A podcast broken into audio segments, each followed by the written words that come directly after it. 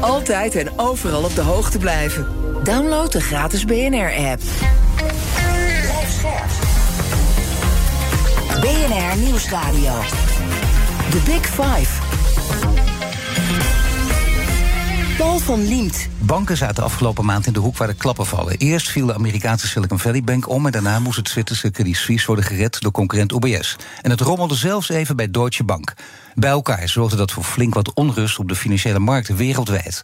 En eens wordt er gevreesd voor een nieuwe bankencrisis. Hoe reëel is die angst en waar komt die vandaan?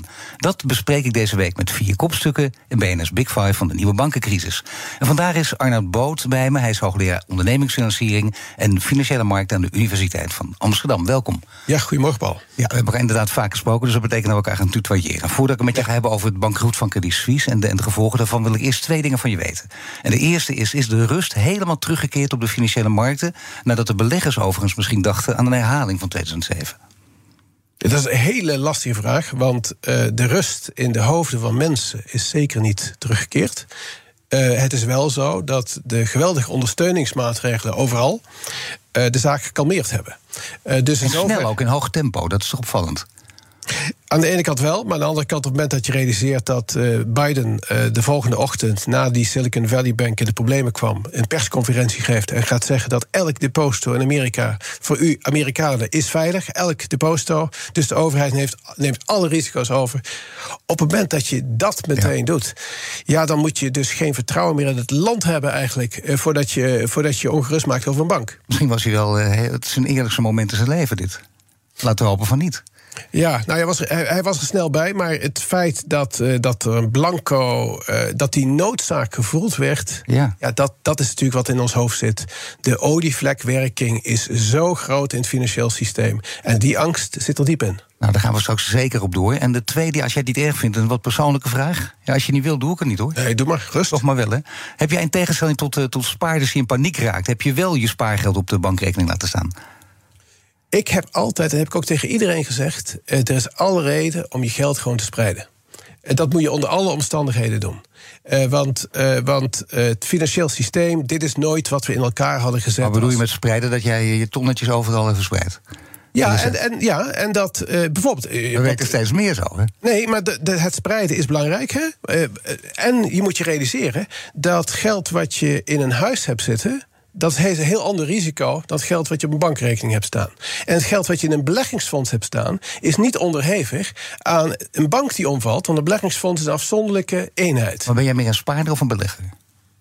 Nou, combinatie, ik, ik zou zeggen combinatie van allebei. Ik heb altijd gezegd, eh, ik hou niet van beleggen, ik wil niet beleggen. Ik wil al helemaal niet mijn geld volgen. Eh, dus als ik er een huis kan kopen waar, eh, waar iemand in woont, mijn dochter in woont... en die heeft er genot van, eh, dan, eh, dan stop ik daar al mijn geld in. Hoef ik het ook niet meer te volgen. Eh, is het daar geparkeerd. Het was een uh, intensieve maand maart in de financiële sector. Eerst ging Silicon Valley Bank in Amerika de schopje onder. In Europa volgde het Zwitserse Credit. Hoe heb jij die maand beleefd? Want dat is toch voor iedereen anders. Uh, jij, jij kan ook met, met een heel afstandelijke blik kijken en denken niks aan de hand. Of was er toch bij jou ook enige paniek? Nou, nee, geen paniek. Uh, maar die paniek was er bij mij ook niet in 2007, 2008. Uh, omdat je. Eén, het heeft helemaal geen zin om in paniek te raken. Uh, zolang je gezond bent, uh, dat is het enige wat telt. La laten we eerlijk zijn, uh, gezond zijn. en, en laten we ook eerlijk zijn, we zitten natuurlijk allemaal aan de goede kant van de samenleving. Uh, dus uh, dus uh, we hoeven nooit eigenlijk echt na te denken over onze eigen toekomst. Nee, maar je hebt emoties natuurlijk van hoge en lage categorieën. Bijvoorbeeld dat Lehman-moment, dat was toch zeker degene die het zagen aankomen, of bijna zagen aankomen, die dachten: wat gebeurt hier? Er ja. komt er een emotie los. En, op de, en, ja. en, nu had je kunnen denken: nou, het is dan wel mee rustig aan. Of dacht je toch ook van: nou, dit kan wel eens uit de hand lopen? Oh, ik dacht zeker dat het kan uit de hand lopen. En uh, dat kan nog steeds. Hè. De berichten van IMF, uh, er zijn die voorjaarsvergaderingen nu in Washington, ja. waar de, de minister van Financiën en de centrale bankpresidenten zijn, IMF en Wereldbank. Um, beide rapporten van het IMF zijn uitge uitgesproken negatief. Uh, met name benadrukken alle risico's. Dus wat men eigenlijk in, in, in zijn hoofd heeft, is 2007 daar gebeurde van alles. Want daar, al dat gedoe over die hypotheekmarkten die instorten, et cetera. 2007 was dat. En toen is de rust even wedergekeerd. En toen is iedereen in slaap gevallen. En in 2008 is de grote crisis begonnen. En dit herken ik precies wat nu in, in Washington gebeurde. Oh, nee. Men is als de dood dat men bagatelliseert. En men heeft, men heeft die rapporten zo negatief mogelijk geschreven. om nooit het risico te lopen dat morgen iets blijkt te gaan gebeuren. Maar dat klinkt toch een beetje als jezelf indekken. Dat snap ik ook voor de zekerheid. Maar de kans is dus niet denkbeeldig dat 2024 opeens een, een echte klap gaat komen. Nou ja, kijk, als je gaat zeggen, gaat er hetzelfde gebeuren? Er gebeurt nooit precies hetzelfde. Eh, en dat, eh, maar wat, wat wel gebeurt, en dat zit inherent aan het financieel systeem, zoals we het opgezet hebben, is dat een probleem ergens in het systeem roept meteen die olievlekwerking op, omdat mensen ongerust worden. Die gaan rondkijken. En op het moment dat mensen ongerust worden, het feit dat men ongerust wordt en andere banken ongerust worden, betekent dat er meteen op de rem getrapt wordt. Betekent dat mensen altijd op zoek zijn naar iets wat men als veiliger ziet. Dus men gaat geld weghalen. Ook al is het verzekerd zelfs door de overheid, depositogarantie. Men gaat geld weghalen, hebben we nu ook gezien. Die olievlekwerking is nu precies wat ik denk de autoriteiten hadden gedacht met alle regeltjes die we verzonnen hebben. Letterlijk, wie weet hoeveel regels sinds 2008. Waar eh, ik en anderen van altijd van hebben gezegd: regeltjes is schijnzekerheid. Dat is s'avonds bij een goed glas wijn kun je, heb je prachtige dingen verzonnen. En dan heb je een soort zekerheid aangepraat. Dat je het nu in de hand hebt. Wij hebben altijd gezegd: allemaal schijnzekerheid. Niet dat het helemaal niks is, dus op dat punt glas half vol. Ja, we hebben wel iets gedaan. Hè. Het, het, het had nog veel, het was 2007. Je kunt ook niet zonder die regeltjes? Je kunt niet zonder de regels. En, en sommige regels vraag je je van af... waarom is het in hemelsnaam nodig dat je daar een regel maakt? Bijna alsof, eh, alsof je een regel moet maken... Dat, dat wij zonder vloeken tegen elkaar aan het praten zijn. Dan mag je toch van uitgaan dat wij het goede doen. Tot nu toe En- wel, ja, Ja, tuurlijk, nee, ja. precies. Maar dat geldt eigenlijk ook voor, voor die financiële instellingen. Als je nadenkt over het systeem... en als je allemaal regulering nodig hebt om te zorgen dat banken bereid zijn om genoeg eigen vermogen te hebben. Het geeft wel een idee van je wereldbeeld. Ja, maar, maar dus, dus je hebt allemaal regels nodig voor, Ja, om te zorgen dat banken genoeg eigen vermogen hebben. Dat is toch een bizarre wereld? Extreem wantrouwen. Ja, maar, maar je gaat er toch vanuit dat de banken zelf belang hebben om eigen vermogen te hebben. En dat alleen voor die rotte appels je die regels hebt. Maar in het bankwezen hebben we de regels, zijn voor iedereen nodig. Het is alsof wij het, wetboek van strafrecht elke seconde nodig hebben, omdat we elke seconde over de grens gaan. Maar de vraag is, hoe komt dat? Want jij loopt al zo lang mee, van binnen en van buiten, alles gezien. Dan weet je toch ook het antwoord op die vraag, want dat is interessant. Ja, het, is, het zijn twee elementen. Het is de cultuur, en dat bedoel ik niet meer in termen van integriteit, maar ik bedoel cultuur. Men heeft elkaar aangepraat dat het zo in elkaar zit. Letterlijk, men heeft elkaar aangepraat. Dus dat heeft gespeeld. En het tweede is dat de financiële sector dermate zaken dermate complex maakt en nog steeds complex maakt, dat eigenlijk de beleidsmakers en de bankiers in dezelfde hoek zitten. De beleidsmakers kunnen niet zonder de bankiers. Eigenlijk een beetje zoals Zwitserland. Zwitserland was als de dood. Wat moeten we met Credit Suisse? Dus een hemelsnaam laten we het aan UBS geven omdat Zwitserland dacht, we weten niet wat we mee moeten. En hopelijk weet UBS het. Maar UBS was failliet tien jaar Maar geleden. dit is al 30 jaar dezelfde manier van denken. Dan zou je denken, er is nu het zijn tijden van transitie, het moet volledig om. Ja, en dan kom je dus op, de, op het hele ingewikkelde punt. Want uiteindelijk is het vraagstuk veel breder dan puur en alleen naar die banken kijken. Het is eigenlijk, eh, waren wij in 1944, hadden we het Bretton Woods. Hè, Bretton Woods, eh, dat was een inrichting van de wereld met betrekking tot hoe je als landen met elkaar omgaat, met tekorten, handelstekorten, et cetera. Het was het IMF en de Wereldbank kwamen eruit voort als stabilisatoren in de wereld. Wij zijn op zoek naar die nieuwe ankers. En die nieuwe ankers van het systeem, die hebben we nodig om het huidige systeem, wat onderhevig is aan een toenemend flitsend kapitaal. Jij en ik kunnen met onze app in één seconde ons geld weghalen. Erger nog, onze kinderen eh, zien, eh, ja, zien beleggen als een soort, eh, als een soort gokken. Eh, die, die, die, die, die zorgen ervoor dat een, dat een aandeel opeens vijf keer meer waard wordt, omdat ze via sociale media er allemaal achteraan gaan. In die wereld als je dan nadenkt over het feit dat banken in wezen gefinancierd zijn met direct opvraagbaar geld. Het kan gewoon in één seconde weggehaald Maar zie jij nieuwe ankers? Want je hebt nieuwe ankers nodig, maar liggen ze in het verschiet? Die liggen in het verschiet op het moment dat we bereid zijn die stappen te maken. Maar geef eens een voorschot eh, daarop. Wat, wat zou een goed nieuw anker zijn? Nou, kijk, één, één, eh, één iets wat je zeker zou kunnen doen. Is, je zou kunnen zeggen, ons, ons, gewoon ons geld, de wijze waarop banken zich financieren. Laat ergens beginnen. De wijze waarop banken zich financieren. Als je nou zou zeggen, banken moeten uh, voor 20% van de balans, hè, 20% van de balans moeten ze obligaties uitgeven. Langer durende obligaties. Die niet morgen opgevraagd kunnen worden. Want anders krijg je het probleem. Philips, die zou bij elk probleem. zou ze meteen alle beleggers aan de deur hebben die hun geld terug willen. Maar dat kunnen we bij Philips niet doen. We kunnen het aan elkaar verkopen. Maar we kunnen niet naar Philips gaan en zeggen: geef mij geld terug. Banken zijn gefinancierd op een wijze waarop wij naar de bank kunnen lopen. Wij willen nu ons geld terug. Wanneer wil je je geld terug? Op het moment dat er een probleem is. Dus je maakt het probleem altijd erger. Dus lange termijn obligaties. Daarom ben ik ook geweldig voor wat dan in Europa heet die Capital Market Union waar sommigen tegen zijn. Maar wij moeten een meer financiële markt hebben waar we langdurige obligaties kunnen uitgeven tegen goede kosten, tegen de juiste prijs. En dat banken zich meer langdurig kunnen financieren. Langdurige obligaties als nieuw anker, dat is al een hele grote stap. The Big Five. The Big Five. Paul van Liemt. Mijn gast is Arnoud Boot, hoogleraar ondernemingsfinanciering en financiële markten aan de Universiteit van Amsterdam. En hij, laat, hij raakt langzaam steeds meer op dreef. En dat zie je ook. Kijk, nieuwe ankers. Nee, dat is echt heel groot, zoiets.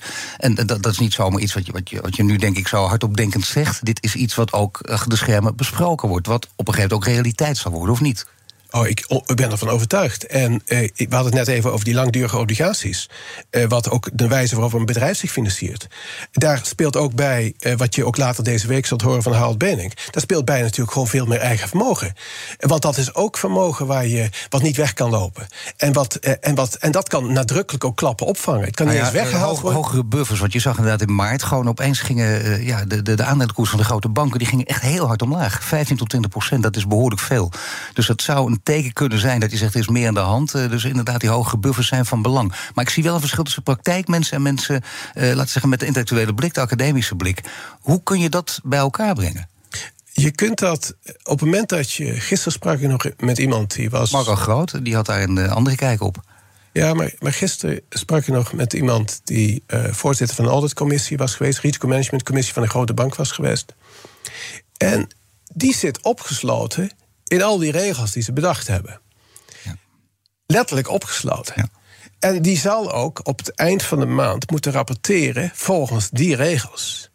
Dus iedereen die er dichtbij betrokken is, die zit, die zit gevangen in, de, in het huidige constellatie van regels.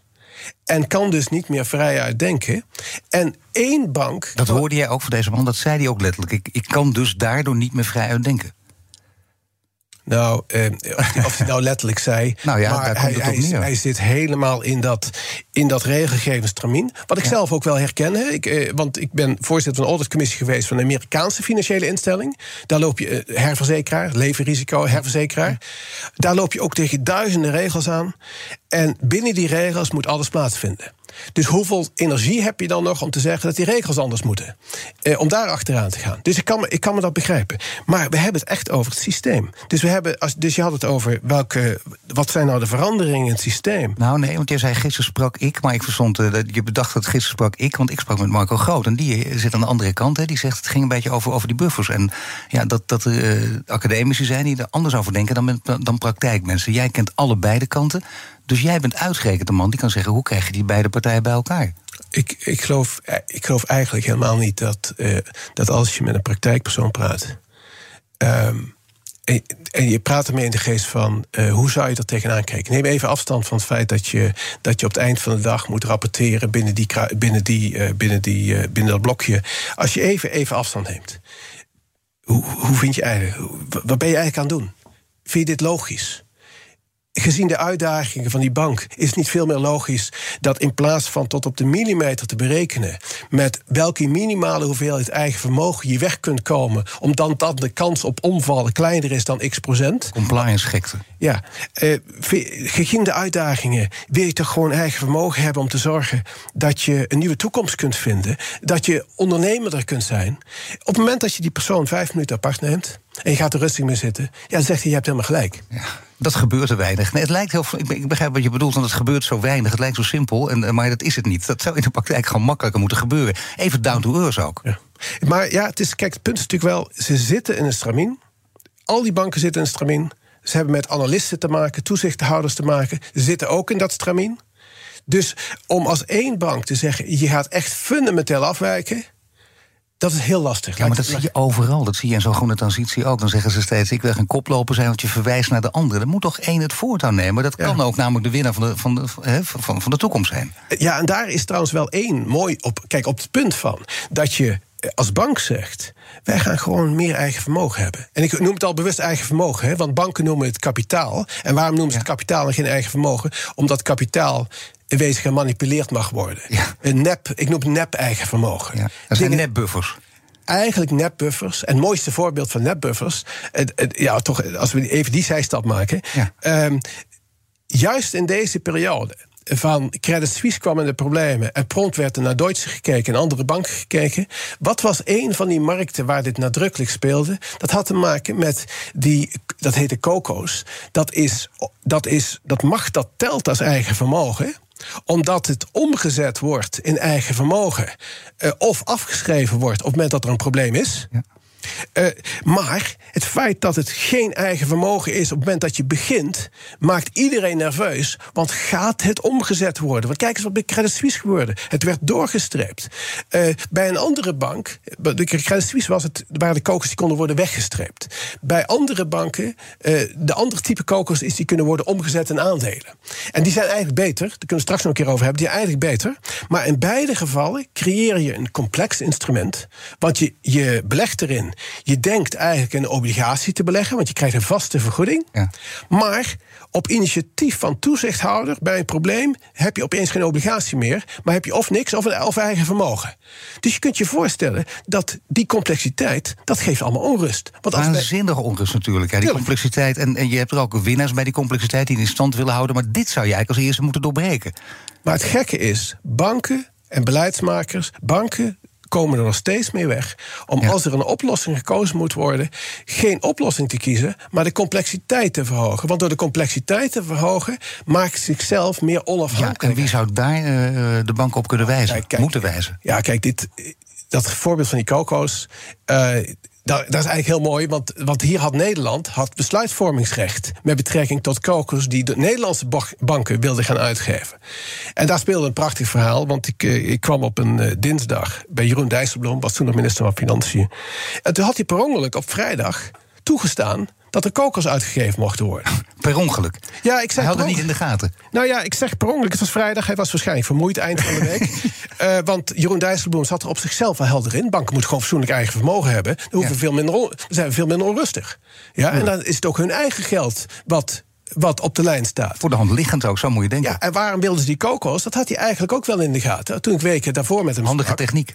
Ja, handig techniek, maar ook die kokos, dat was vreemd vermogen. Dus in goede tijden werd er rente op betaald. En die rente was fiscaal aftrekbaar. Dus de banken waren op zoek naar belastingvoordeel. En dat hadden ze in goede tijden, dat belastingvoordeel. En in slechte tijden geven die instrumenten een probleem. Dus het is de belastingbetaler die twee keer betaalt. In slechte tijden een probleem, belastingbetaler. In goede tijden renteaftrek, belastingbetaler. Maar hoe liep het af? Van mijn vraag is inderdaad, wie kan hier dan wat aan doen? Wie nou, kan die banken hierop wijzen? Ik kwam op dinsdag bij uh, toen bij Jeroen Dijsselbloem.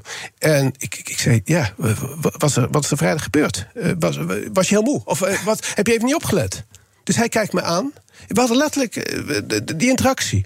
Dit was een vergissing, toch, zei ik? Ja, toen had hij toch een beetje... ja, uh, geen overtuigend antwoord. Want, want ik weet 100% zeker dat hij het met me eens was. Maar dat het onder was, onderdeel was van een soort compromis met die banken. En wie weet wat er gespeeld heeft op dat moment.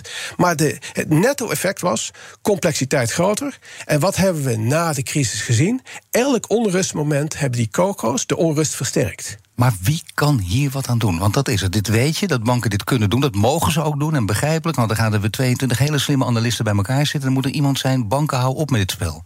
Ja, het, het, uiteindelijk zal, zal, het, uh, zal het ECB, toezichthouder. Ja, jij bent niet twee keer per week bij BNR. Misschien moet jij het gewoon een jaar lang gewoon voortdurend blijven roepen. Nou, dat, uh, dat maar, Paul, dat, dat, kijk, dat is wat ik doe. Want de, deze problematiek, ik ben voor het eerst bij deze problematiek bet, uh, betrokken sinds tweede helft jaren negentig. Dat was de spaarbankcrisis.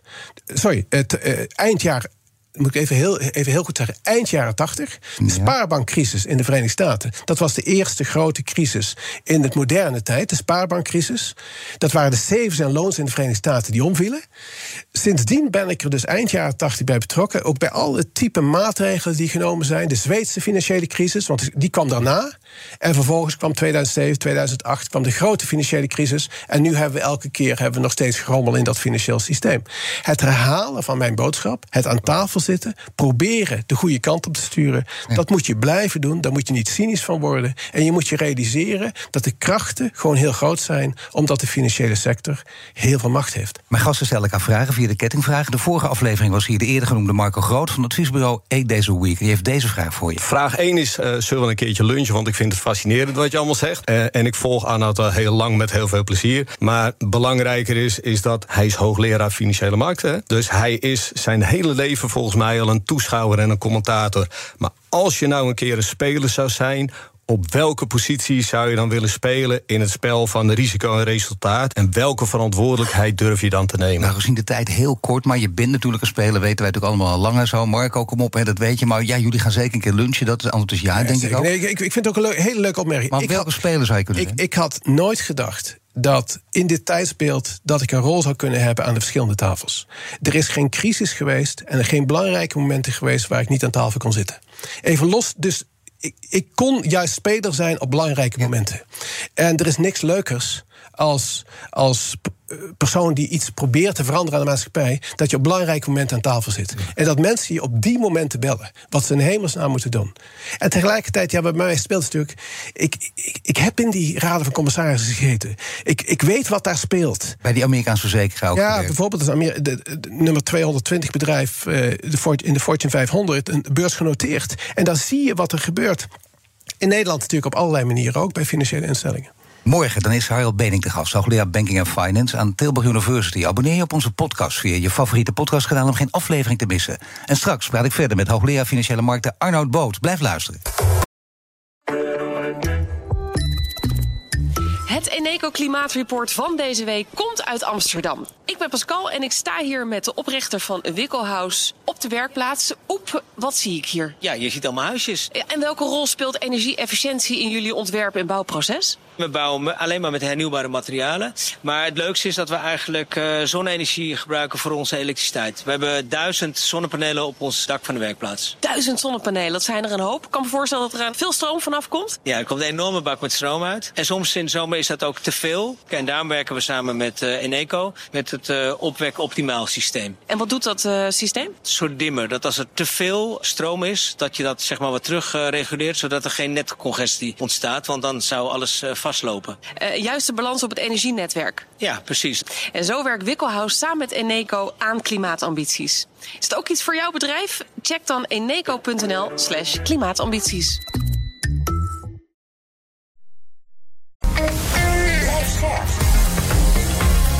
BNR Nieuwsradio. The Big Five. Paul van Liemt. Eerder deze week sprak ik met Sandra Flippen, hoofdeconoom van ABN AMRO... terug te luisteren via de BNR-app. De gast is Arnoud Boot, hoogleraar ondernemingsfinanciering... en financiële markten aan de Universiteit van Amsterdam. Komend half uur wil ik in ieder geval nog twee onderwerpen met je bespreken... namelijk de toekomst van bankieren en de spelregels voor banken. En om met het laatste te beginnen... kijk, het fundament, het fundament en dat is meteen een hele diepe ook... het fundament van het internationale bankwezen blijft fragiel. Dat schreef je recent in een uh, opiniestuk, in, ik meen in NRC. Maar waar ligt dat aan? Want fragiel is een... Ja, dat is, een, mooi woord, daar moeten we bij oppassen... maar dat klinkt nog niet als heel gevaarlijk. Is een beetje breekbaar, maar dat is nog niet echt dat je zegt... het, is aan, uh, het ligt aan diggelen. Nou ja, fragiel is, uh, fragiel is natuurlijk heel erg, omdat, je, omdat het de financiële sector is gewoon heel groot. En heeft hele grote consequenties als er iets gebeurt. Dus fragiel is, uh, is daar niet bedoeld om het, uh, zeker niet om te bagatelliseren. Maar mag ik het toch even scherper maken? Want je weet, dat heb je ooit een keer laten ontvallen. Ja? Dat, dat wordt je ook steeds voor de voeten geworpen. 2015, toen ja. al, het financiële systeem is failliet. Ja, het, het, systeem is failliet. Dus dat betekent dat het systeem wat we hebben is volstrekt onhoudbaar. En de enige manier waarom het overeind staat, is omdat alle overheden bereid zijn onder het systeem te gaan liggen. En dat is ook precies wat we de afgelopen week hebben gezien. De rust is niet omdat het, omdat het systeem stabiel is. De rust is omdat er een waterdichte uitspraak kwam van overheden. We gaan hoe dan ook eronder liggen. Dus de belastingbetaler ligt er hoe dan ook onder. Dat betekent dus het systeem is failliet. En, we en, het, en het fundament is fragiel. Het, uh, ik zou bijna zeggen, uh, ja, is fragiel. Maar op het moment dat ik zeg het systeem is failliet, mag je van mij ook zeggen, mag je dat op zich wel, wat mij betreft, mag je fragiel, als, je, als je daar liever een ander woord hebt, dat, het, dat, het, dat het fundament uh, dat, het, uh, dat het fundament in wezen niet, is. Dus het, je hebt een fundament nodig waarop je iets bouwt. En dat fundament kan niet alleen de belastingbetaler zijn. En dat is nu in wezen alleen de belastingbetaler. Ja, komt en het daarmee zeg je dan het systeem is failliet. En om de reden die je ook aangeeft kun je het in stand houden. Maar dat is dat, een hardere, stevige boodschap kun je niet geven. Komt die aan, die boodschap? Hij komt aan, maar op het moment dat het verdoofd is en iedereen gaat over tot de orde van de dag. En je kunt er tot op, uh, tot, tot recentelijk kon je er elke keer weer geld tegenaan gooien. Extra steunmaatregelen. Geld was gratis, werd er gesuggereerd, lage rente. Uh, in die omstandigheden konden, konden we heel lang doen alsof er geen probleem was. Want de verdoving was wezen. Meer risico's naar die overheid tillen, hogere overheidsschulden in de wereld dan. En dan kwam het financieel systeem, werd zo op, op een voetstuk getild.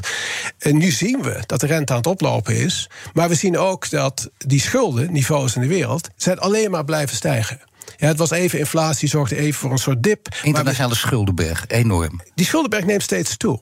En uh, die schuldenberg, dus het meer schulden maken als stabilisering van de financiële sector, want dat is eigenlijk wat gebeurde, uh, dan, dat, je begrijpt dat dat eindig is dat het eindig is. Dus ik denk dat beleidsmakers, ik, dat zijn ook wel de waarschuwingen van IMF. Maar komt het einde in zicht?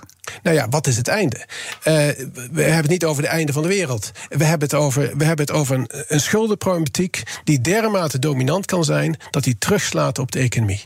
En dat betekent bijvoorbeeld dat het moment, wat wij zagen ook in, in de afgelopen maand, op het moment dat er problemen zijn bij banken, dan zie je dat de financieringskosten van banken meteen geweldig oplopen. Dat banken op de rem trappen, geen bedrijven meer financieren. Dan komt de economie tot stilstand. En als de economie tot stilstand komt, dan komen de banken verder in de problemen. Economie verder tot stilstand, et cetera. Dat is het, het, het core-mechanisme waarbij de financiële sector in plaats van de echte economie uh, faciliteren en helpen te groeien, laten we even zo noemen, wordt de financiële sector een blok aan het been. En dan ontstaat er paniek, want je zei op, uh, op NPO 1 ook al: het financiële systeem hangt dankzij vertrouwen aan elkaar. Dus bij elke vorm van onzekerheid zie je potentieel paniek. En hier zeggen u: het financiële systeem is failliet. Dat betekent dat is een enorme waarschuwing. Ja, en de paniek kunnen we alleen op dit moment tegenhouden, in de huidige structuur tegenhouden, door de overheid de overheid tegenaan te plakken, de belastingbetaler tegenaan te plakken. En dat is waarom ik zeg: het systeem is failliet, want het staat alleen maar vanwege de onbeperkte garanties van overheden. Maar dat betekent dus dat er een enorme verbouwing moet plaatsvinden, dat je echt moet ingrijpen, dat er gewoon iets anders moet gebeuren, dat er gewoon een nieuw systeem moet komen. Ja, en daar zit je dus. Dan geef je ook al aan, Paul. Als je op het moment dat je dat zegt, dan realiseer je ook altijd al dat de krachten om toch maar met pappen en nat houden uh, weer even door te gaan, die krachten zullen altijd sterk zijn, omdat het alternatief is dat je echt aan het werk moet. En gezamenlijk aan het werk moet. En daar is toch, er zijn toch wel lichtpuntjes. In datzelfde NRC-stuk wat je aanhaalde, opiniestuk van, eh, van twee weken geleden. Ja. In, datzelfde, in datzelfde stuk, daar stond ook al eigenlijk een, een van de openingen. En een van de openingen die heeft gewoon te maken met de technologische ontwikkelingen die we hebben. De technologische ontwikkelingen. Die heel snel gaan. Die gaan snel. Die werken nu in eerste instantie absoluut tegen banken. Want wat zag je in 2007, 2008? Waren banken allemaal activa van hun balans aan het halen. En die waren ze aan het verkopen. En dat zorgde uiteindelijk voor instabiliteit. Want die stukjes uh, wat doorverkocht werd. Niemand wist meer waar de risico's waren. Dat was eigenlijk de kern van de crisis ook van 2007, 2008. Wat je nu ziet, is dat diezelfde technologie. Dat zijn die appjes op je telefoon ook. Die zorgen ervoor dat al dat direct opvragenbare geld van die banken. meteen gaat schuiven. Dus aan beide kanten van de balans is de bank instabiel geworden door technologie. Daarom waarschuwde jij overigens een jaar of tien geleden volgens mij al een kleine zaal waar ook bankmensen zaten die het soms ook oppikten. Toen zei je al, banken worden technologiebedrijven. Mensen keken nog wat verdwaasd om zich heen. Maar ze hadden toen ook al op moeten letten. Nu zeg je dat doen ze, want het gaat in een razend tempo, dus Ja. je zult wel moeten. Ja, je zult moeten. Dus, die, eh, dus omdat beide kanten van die balans worden instabiel. Dus je moet gaan veranderen op die technologie. Eh, de wijze waarop banken zich eh, hun diensten aanbieden zijn natuurlijk al gewijzigd. Al die mensen zijn eruit gegooid. Hè. Het werkgelegenheid in het bankwezen is dramatisch verminderd.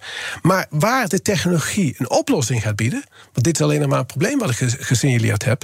Is dat de het digitale geld, dus ons spaargeld, dat kun je ook bij een centrale bank neerzetten. Of bij een uitvoeringsorganisatie van een centrale bank. Want iedereen denkt centrale bank, wordt die veel te machtig. Nou, maak een, zet er iets tussen. Uitvoeringsorganisatie. Eh, zet eh, autoriteit eh, privacy ertussen. Eh, even parkeer die discussie. zo- Zorg dat je dat oplost.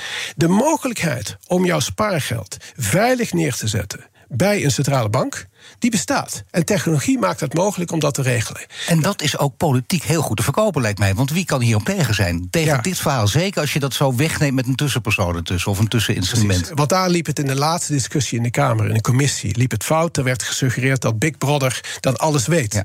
Nou ja, dat probleem kennen we. Dat is het probleem van de hele digitale economie. Dat geldt met onze gezondheidsgegevens, et cetera. Dat moet hoe dan ook opgelost worden. Op het moment dat je je spaargeld en gewoon je overtollige middelen kunt parkeren bij een centrale bank, hoef je geen onrust te hebben. Want dat is het de veilige plaats, want dat is overheid. En wezen, de centrale bank is overheid. Eh, dus dat kan. Dat betekent, dus, dat betekent dus dat de banken kunnen er niet meer van uitgaan dat wij ons geld gewoon bij die bank zetten. En eh, alleen maar veilig potentieel voelen omdat de overheid het garandeert. Niet omdat de bank veilig is, maar omdat de overheid ons geld garandeert. Dus hoe kunnen de banken daar dan zelf het best op reageren? Op, op deze, de- de- laten we zeggen, niet denkbeeldige toekomst? Dit is volstrekt, eh, de- volstrekt denkbeeldig. Eh, de gelukkig, Denkbaar, denkbaar geluk- voor de duidelijkheid. Dit Nee, kan. eh, denkbaar, sorry, niet denkbeeldig. Eh, Volstrekt denkbaar. Ja. Eh, ik, ik wil benadrukken, dit gaat ook gewoon gebeuren. Dit gaat gewoon gebeuren. Je ziet discussies op dit moment, eigenlijk achterhoedegevechten, ook door beleidsmakers, zelfs die voor zijn, hè, zoals de Nederlandse Bank. Die zeggen, ja, maar we zorgen maar dat mensen maar 3000 euro maximaal bij de centrale Ja. bank kunnen zetten. Eh, dit noem je ook dat central bank digital currency. Hè, voor, de, voor, de de- voor de technisch georiënteerde mensen, het is dezelfde discussie. Je mag maar 3000 bij de centrale bank zetten. Maar, maar natuurlijk, dat maximum dat is natuurlijk nooit houdbaar. Op het moment dat er eh, onrust is en in de Tweede Kamer wordt gezegd... je moet je geld toch veilig kunnen parkeren... dan wordt die motie aangenomen.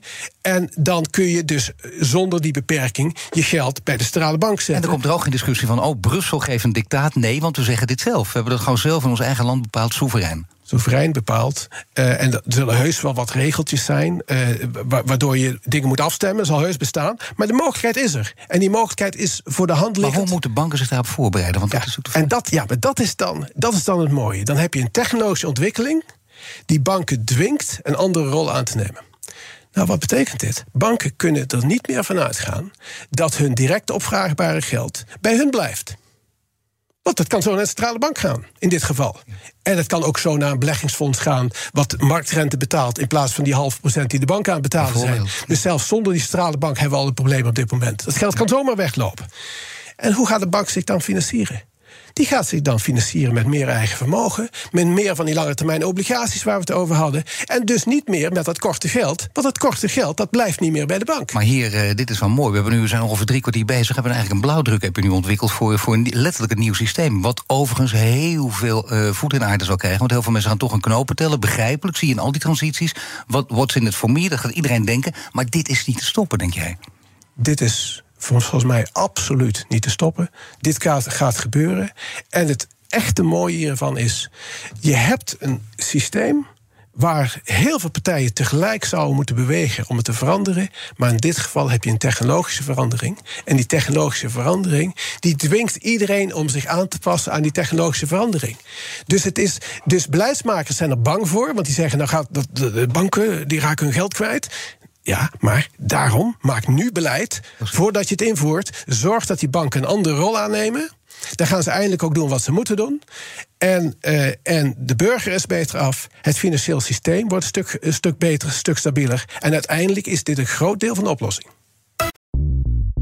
Bij BNR ben je altijd als eerste op de hoogte van het laatste nieuws. Luister dagelijks live via internet. Jelle Maasbach. Wesley Weerts. We zijn er voor je met het leukste, opvallendste, maar natuurlijk ook het belangrijkste nieuws. Tijdens de presentatie van die halfjaarcijfers toen die beurskoers in elkaar kukkelde. BNR Beurs. Voor de slimme belegger. Blijf scherp en mis niets.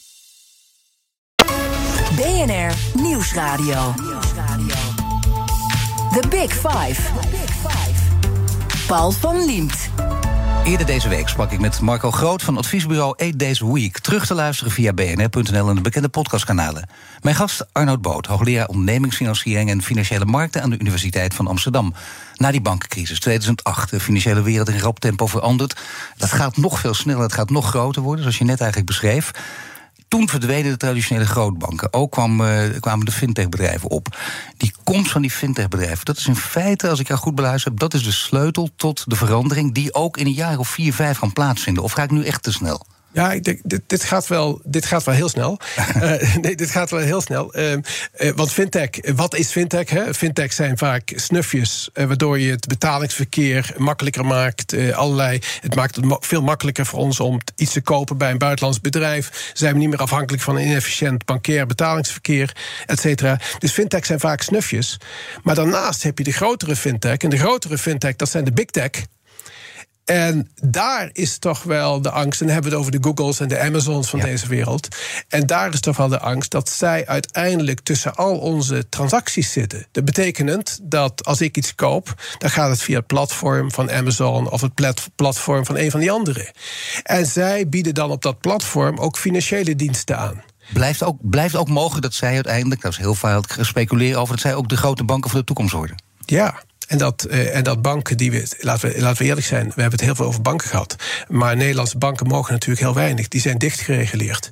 Uh, dus je kunt je afvragen of we de banken nog, banken nog wel ondernemend kunnen zijn.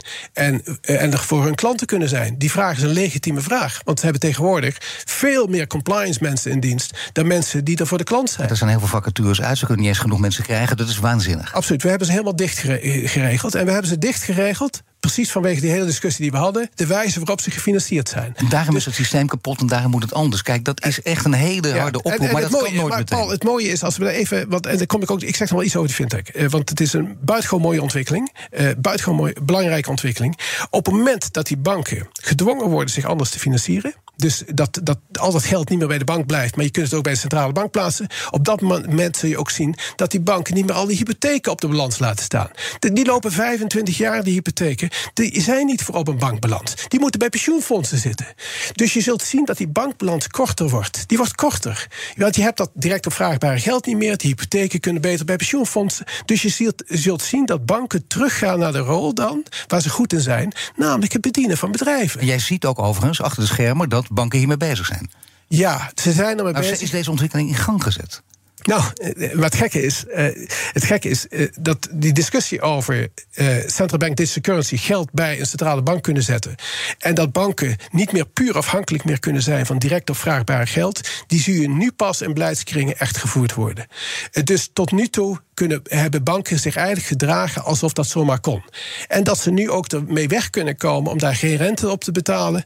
Terwijl ze bij de centrale bank kunnen zetten voor 3%. Dus we zijn ook via dat kanaal zijn we de banken gewoon aan het subsidiëren. Alle banken aan het subsidiëren. Dat is maatschappelijk natuurlijk onhoudbaar dat we dat doen. De belastingbetaler uiteindelijk is niet bereid om op die manier een financieel systeem nee, dat te subsidiëren. 3 en 0,5% begint veel te groot te worden. En die onrust gaat ook toenemen. En dan gaan mensen steeds. Dat heb je ook nodig natuurlijk. De draagkracht neemt toe als meer mensen zien dat dit onhoudbaar is. En dan krijg je dus een grotere druk, ook via de politiek, dat dit, dat dit systeem moet wijzigen, omdat het gewoon tegen Main Street werkt en dat eigenlijk alleen maar de belangen dient van het huidige financiële systeem, maar niet de belangen van uh, mensen als geheel. Vandaar dus die opkomst misschien wel van de schaduwbanken. De schaduwbanken, daar moeten we wel even over hebben, want uh, daar worden heel veel definities op losgelaten. Laten we ervan uitgaan, de schaduwbanken hebben marktaandeel kunnen opeisen in de financiële wereld. Dan hebben we het over, over de geldmarkt en de hedgefondsen, dan hebben we het over verzekeraars, het pensioenfondsen natuurlijk en ook de beleggingsfondsen. Die hele club bij elkaar. Wat, wat is het belang nu op dit moment van schaduwbankieren? Nou, het, de goede rol van schaduwbankieren is. En dan dat woord schaduwbankieren, ik vind het een heel vervelend woord. maar het wordt waarom, gebruikt. Waarom vind je het zo erg? Schaduwbankieren. Wat, dat, dat, is dat normatief? Is dat goed? Is dat slecht? Schaduwbankieren? Waarom heet het bankieren trouwens? Want als, het, als je het hebt over een pensioenfonds. wat zoveel middelen heeft. en wat eigenlijk een soort, uh, een soort loket zou moeten creëren. om wat ze al deels doen, om hypotheken te verstrekken. dat is schaduwbankieren. Ja. Maar, maar dat is gunstig toch? Die hypotheken die ze verstrekken, dat is gunstig toch? Daar is toch niks mis mee? Maar waarom zou je dan... Ja, ik snap dat je een andere naam wil, maar wat zou jij als andere Omdat naam je- voorstellen? Want dat is meteen handig. Oh, We kunnen mensen meteen ja, gaan overnemen. nee, Kijk, er zijn. eh, Het, het, het, het vre- tot nu toe is altijd geweest dat elk probleem eigenlijk wat we, wat we hebben in het financieel systeem. manifesteert zich uiteindelijk toch via die banken. En waarom is dat? Omdat de, de, de negatieve schaduwbanken. dat waren bijvoorbeeld eh, hypotheken die, eh, of andere leningen die op de bankbalans stonden. Die werden in een apart, aparte unit gezet. waar de bank een garantie op gaf. Dus het leek alsof ze weg waren, maar ze waren niet weg. Ze waren van de balans gehaald, maar ze waren niet weg. Cruciale. Dat is de crisis ook van 2728. Dat doorverkopen terwijl de bank er wel degelijk garanties op had gegeven. Dus ze kwamen terug als ze niet goed uitpakten. Dus ze kwamen terug op het moment dat de bank het niet wilde hebben. Kwamen terug. Eh, dus dat is het schaduwbankieren wat we absoluut niet moeten willen. En dat schaduwbankieren hebben we gedeeltelijk ingedampt. Dat is nu minder dan de 2728, dus dat is het glas half vol. Maar het positieve schaduwbankieren, namelijk dat al die andere spelers hun verantwoordelijkheid kunnen in het financiële systeem, zoals hypotheek, eh, zoals pensioenfondsen, die bedrijfsleningen kunnen verstrekken. Want zij kunnen risico's dragen, pensioenfondsen. Ons pensioen is uiteindelijk afhankelijk van hoe die bedrijven het dan doen in de toekomst. Nou, dat komt goed uit. Dus die pensioenfondsen kunnen die risico's dragen. Onze pensioenen, als het niet goed uitvalt, zijn wat lager. En als het wel goed uitvalt, zijn wat hoger. Maar er liggen oplossingen voorhanden. En de nieuwe banken zullen ook in het nieuwe systeem... eh, bijvoorbeeld eh, inderdaad iets makkelijker hoge buffers kunnen aanhouden... zoals ze ook moeten doen. En het hele, hele begrip too big to fail...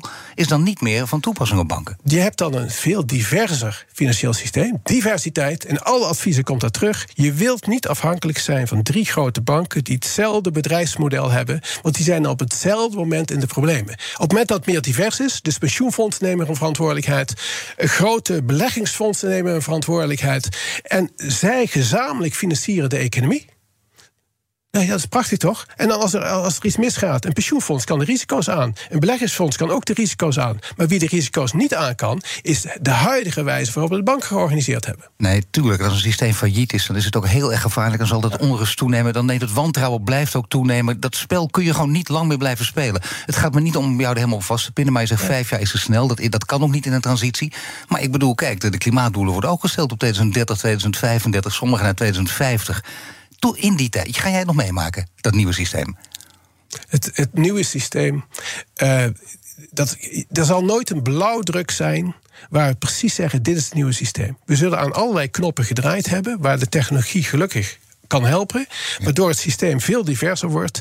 eh, Bankbalansen veel korter worden. Waardoor banken weer gaan doen waar ze goed in zijn. Namelijk het bedienen van bedrijven. Maar, maar gebaseerd op een veel, veel beter gefinancierde balans.